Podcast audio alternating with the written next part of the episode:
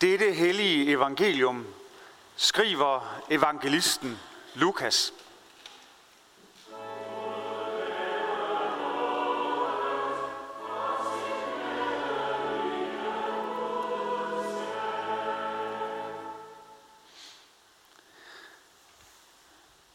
Apostlene sagde til Herren, giv os større tro. Herren svarede, havde I en tro som et sendomsfrø, kunne I sige til dette morbærtræ, ryk dig op med rode og plant dig i havet, og det vil adlyde jer. Hvis en af jer har en tjener som pløjer eller en hyrde, vil han så sige til ham, når han kommer hjem fra marken, kom straks og sæt dig til bords. Vil han ikke tværtimod sige, lav mad til mig, bind kjorten op om dig og vart mig op, mens jeg spiser og drikker. Bagefter kan du selv spise og drikke.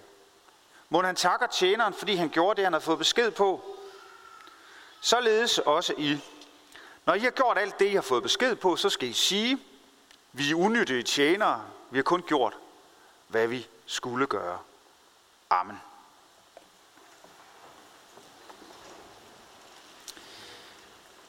Gud Fader, vær til stede her i vor midte. Jesus Kristus sender din nåde. Gud Helligånd, oplys ordet for os. Amen. Giv os en større tro, siger disciplene. Men hvad er tro? Tro er, i, er ikke mening. Tro er ikke overhøring. Tro er ikke det samme som holdninger. Tro er heller ikke en bestemt attitude eller en særlig karakter. Tro er ikke en særlig livsstil eller en særlig personlighedstype. Hvad er tro så? Tro er tillid, og tro er relation. I hvert fald, hvis man spørger efter, hvad tro er i kristen forstand. Som vi hørte det, som Anna-Marie læste fra Hebræerbrevet, tro er fast tillid til det, der håbes på, og bevisning om det, der ikke ses. Troen er altså ikke en granitblok. Det er heller ikke en søjle, det er en fakkel, der lyser i mørket. Det er en mælkebøtte, der bryder frem gennem asfalten. Troen er tillid. Tillid til Gud, og tro er at have et, for, at have et forhold til Kristus i kristen forstand. Det er det, tro er, vil jeg mene. Disciplene de øh, efterspørger mere tro. Og det svar, han giver dem, det er slet ikke det, de havde forventet. Ofte havde disciplene meget svært ved at følge Jesus. De havde svært ved at forstå det, han sagde, og det, han gjorde. Hans tale om tro var mildest talt helt anderledes, end det, de havde regnet med eller kunne forstå. De var øh, forvirrede, usikre, de drømte om klarhed, om at være sikre og stærke i troen. At de med sikkerhed kunne sige stemmen, jeg tror på Jesus og følges med ham, fordi det er det og det og det er det. Så derfor giver os en større tro. Men de var ikke sammen med Jesus, fordi de havde en eller anden enorm, klar, veldefineret indre overbevisning. De var sammen med Jesus, fordi han havde kaldt på dem. Han havde kaldt dem ud af deres mange forskellige sammenhænge. Ikke udvalgt dem på grund af deres evner eller deres dybe dedikation eller overbevisning. Men simpelthen bare fordi han havde kaldt dem. Ud af deres hidtidige liv som fiskere, tollere eller frihedskæmper eller hvad de nu var. Faktisk var disciplene jo også øh, ikke helt klar over, hvem det i grunden var, Jesus præcist var. Og de kunne heller ikke forstå hans vej. Det er der masser af eksempler på, når man læser i det nye testamente. De har for eksempel ved flere lejligheder hørt de ham tale om, at han skal gå, ind, gå til Jerusalem, og der skal han lide og dø. Det fatter de ikke noget som helst af, og de vil ikke vide af det, de vil ikke høre på det. Selvom at når de så har hørt det, og Jesus siger, sådan skal det være, så følges de med ham alligevel, selvom de ikke har nået en dybere overbevisning eller forståelse af den grund. Fordi de har været stærkt draget af ham og af hans kald til dem. Der er ingen tvivl om, at disciplene de har haft den her fornemmelse af, at de var med i noget, der var helt afgørende vigtigt og stort. Og de har sandelig også taget et stort og afgørende skridt i deres liv og valgt at følge Jesus. Dem, der fulgte Jesus dengang, det får vi indblik i, øh, var en særpræget og broget flok, lærte og ulærte folk, mænd og kvinder, og udover de, de 12 disciple, så var der mange andre, der fulgtes med dem. Både mænd og kvinder. Ja, der var tidligere prostituerede, der var farisæer, der, tidligere farisæer, der var tidligere celoter, der havde kæmpet mod den romerske besættelsesmagt. Toller osv. De er med i noget afgørende, fornemmer de. Guds rige bryder frem, og de er med, og de vil gerne være med. Men samtidig er der meget, de ikke forstår. Og deres forestillinger om, hvad de er med i, og hvordan det skal føres til udførelse, hvordan det skal blive til en sejr, til magt, det harmonerer ikke med Jesus. De bliver ofte sat på plads. Vi så det jo også og hørte det her ved, ved døbefonden. Det hører vi hver gang, der er dåb. Endnu et eksempel på disciplene, som bliver sat på plads. De vil øh, i allerbedste mening holde de folk, der kommer med de små børn til Jesus væk. De skal ikke forstyrre mesteren, og så får de ellers et ordentligt møgfald af Jesus, der bliver vred på dem og siger, hvis ikke I tager imod ligesom et lille barn, så kommer I slet ikke ind i det. Og så tager han så børnene i favn og velsigner dem. Ofte blev de altså sat på plads. Og alligevel sender Jesus dem ud. Sender Jesus dem ud for at fortælle om det nye, der bryder frem, og siger, jeg vil udruste jer til at gøre godt. Så de oplever en blanding, må de have gjort, de her disciple. Den her blanding er en enorm tillid fra Jesus side. Jeg har udvalgt jer. Jeg vil bruge jer. I spiller en særlig rolle. Og samtidig den her fornemmelse af, hvad går det hele ud på? Hvorfor siger han sådan? Hvorfor bliver vi sat på plads her? Forvirret, frustreret og forventningsfulde. Derfor er der ikke noget at sige til, at disciplene spørger Jesus midt i al deres forvirring. Giv os en større tro. Det er da, et, det er da øh, klart indlysende, fornuftigt forespørgsel. Men igen, så siger Jesus ikke det, de havde håbet, eller troet, eller regnet med, eller hvad de nu... De var vel efterhånden blevet vant til, at de ikke kunne regne med helt præcist, at det var det, de mente, der kom. For her afviser Jesus dem faktisk. Giv os en større tro. Hvis bare I havde tro som et sennepsfrø, siger han. I skal lade jer nøje. I skal lade jer nøje med at være tjenere. Drop, drop alle de der drømme om, at det er jer, der skal være ovenpå, og I skal kunne forstå og overskue alting. Tro er ikke viden, synes han at sige.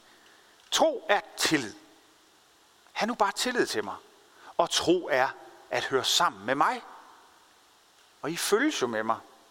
Og havde I blot en lille smule tro, den tro, som jeg har, så kunne ufattelige ting ske. Det er jo et meget skægt fundet på af Jesus. Det der med, hvis I havde tro som et særmsfrø, så kunne I sige til det her træ, at det skulle rykkes op med rode og plantes i havet. Så prøv at forestille jer det. Det er da virkelig skørt. Fordi man kunne også sige, hvad skal det i grunden gøre godt for? Altså, at et træ skal plante sig i havet. Det er lidt ligesom om, at Jesus egentlig på en måde, ja, smiler lidt af dem. Måske driller han dem lidt. I vil gerne have mere tro.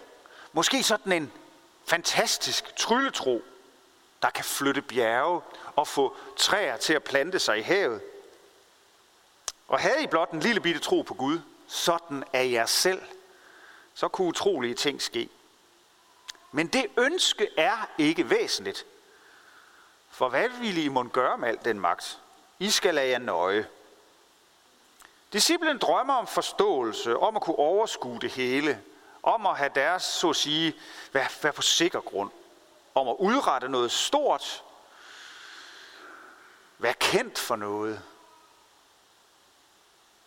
Men Jesus siger, ja ja, plant et træ, i havet.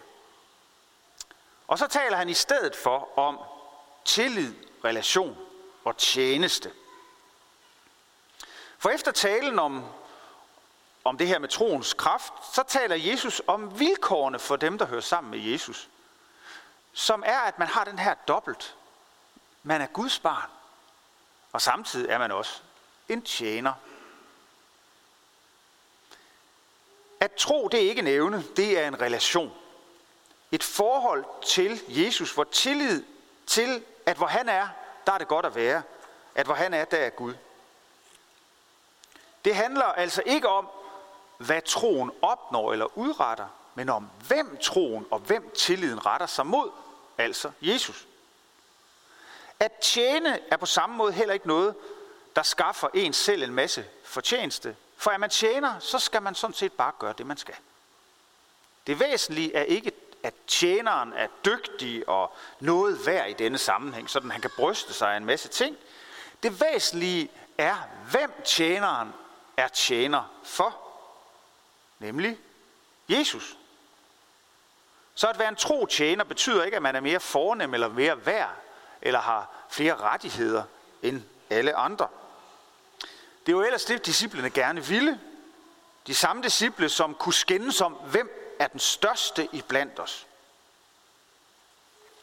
Og hvad svarede Jesus ved den lejlighed, da de kom og kom i skænderi om, hvem af dem, der var den største? Så sagde Jesus, at det er den, der tjener, der er den største.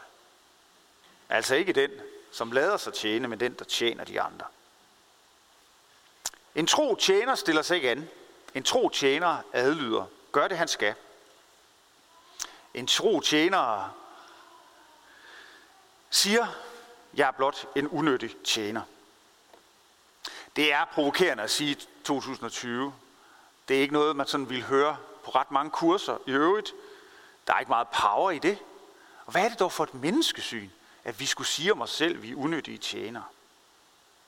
Men inden vi sådan helt begynder at blive krænket på disciplenes vegne, unødige tjenere, hvor vi lige bede, så skal vi lægge mærke til, må ikke også Jesus her har lidt humor, ligesom med det her med at plante træet ud i havet. For nok bliver de sat på plads, men jeg tror ærligt talt, det var med et smil på læben. For når nogen gerne vil være noget, have en større tro, en større indsigt og magt, så er det jo faktisk helt komisk at blive kaldt unyttige tjenere. Og så i øvrigt drille dem med, at hvis de havde den store tro, så kunne de plante træer i havet. Det er helt sikkert ikke Jesu hensigt at smadre deres selvtillid. Det er heller ikke hans... Det, var ikke, det han ville var heller ikke at få dem til at krybe for ham, sådan i underdanighed og med bøjet hoved. Nej, men han vil bremse dem i deres trang til selvhævdelse, i deres overophedning af, hvor stor betydning de selv har. Det er noget, den her tid, vi lever i, har enormt meget brug for, hvor vi overopheder vores egen betydning helt vildt. Det, som Jesus vil, er, at disciplene som unødige tjenere skal lade sig nøjes med at være tjenere for ham, ja, og være et lille Guds barn. Lad det være nok. Ligesom han jo også siger, at de skal lade sig nøje med at tage imod Guds rige, ligesom et lille barn. Sådan som Elvira og Markus lige har taget imod Guds rige, selvom de hverken kan snakke eller noget som helst. Og de skal ikke stille sig an, siger Jesus til disciplene, som om de skulle være en form for bodyguards for Jesus og tro af forældre og børn. Nej, de skal være unødige tjenere. Og hvad så? Der er noget helt fantastisk ved Jesus. For vi unødige tjenere, der ikke er Guds tjenere i kraft af vores store evner eller vores enorme indsats, men udelukkende i kraft af Kristi nåde og hans kaldelse til os, ja, vi unødige tjeneres herre, hvordan er han herre for os? I det er han jo netop ved at tjene os.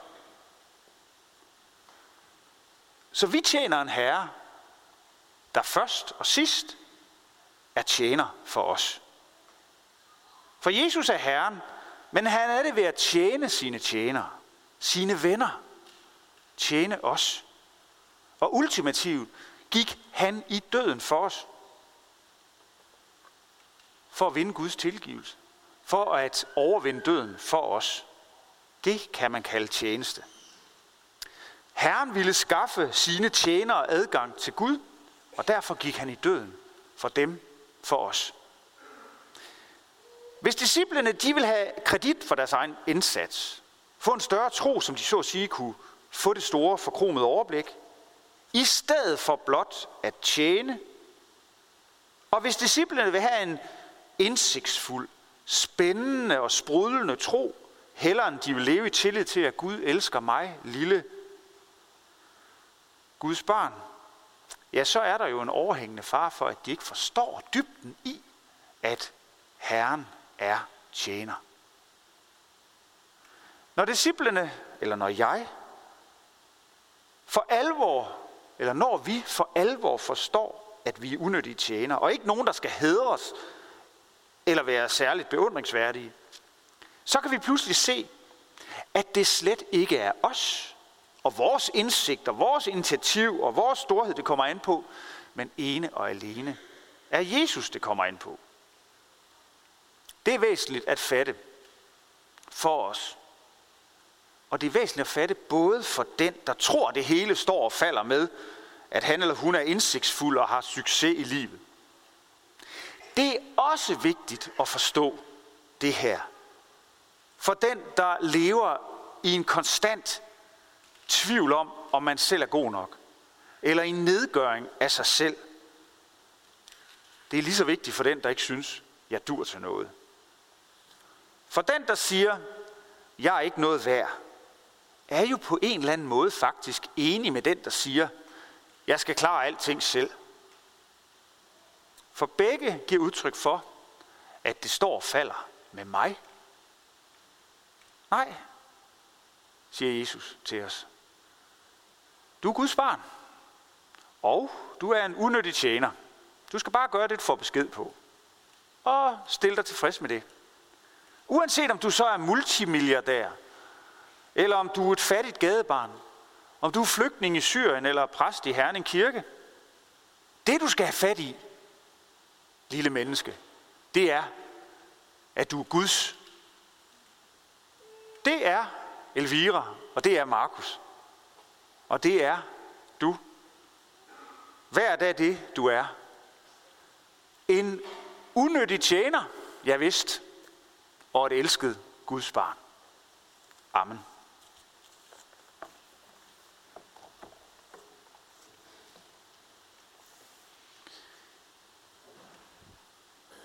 Lov og tak og evig ære være dig, hvor Gud, Fader, Søn og Helligånd.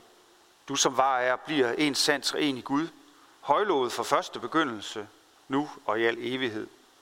Amen. Hellige Gud, himmelske Far, vi lover at tilbede dig, fordi du i din godhed har skænket os livet og alle dets gaver. Tak for den jord, som du har skabt. Vil du lære os at tage vare på den, så vi ikke ødelægger den, men så vi bevarer din skønne grønne jord. Vi takker dig for de medmennesker, som du har givet os at dele livet med. Lad os at se på hinanden som brødre og søstre.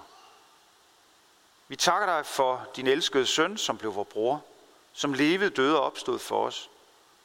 Vi takker dig for Helligånden, som er midt i blandt os, for genfødelsen i dåben, for evangeliets lys og for dit nærvær og din velsignelse i nadveren.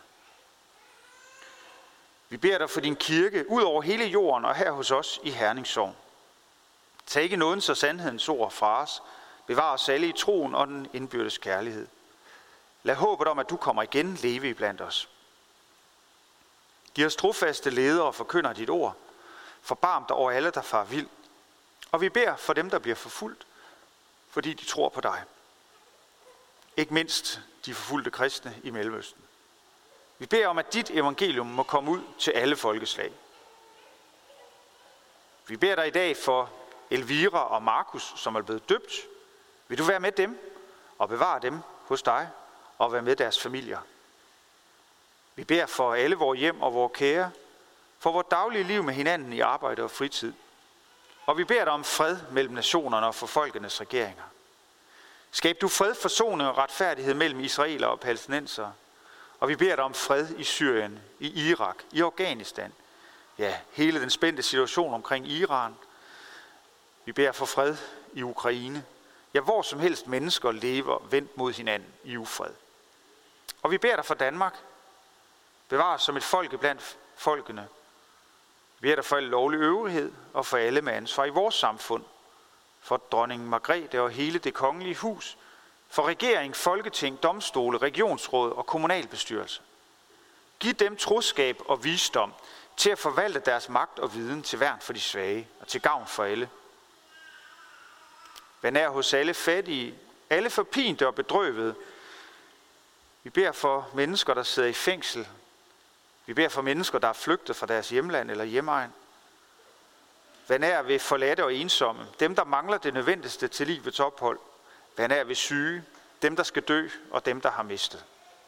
Forbarm dig over os, giv os ikke løn som forskyldt, men fri os fra det onde, og lad os på den yderste dag få lov at opstå med Kristus, og evigt takke dig ved din elskede søn, Jesus Kristus. Amen. Lad os rejse os.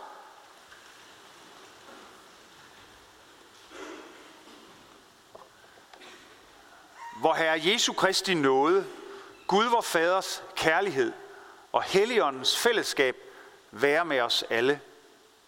Amen.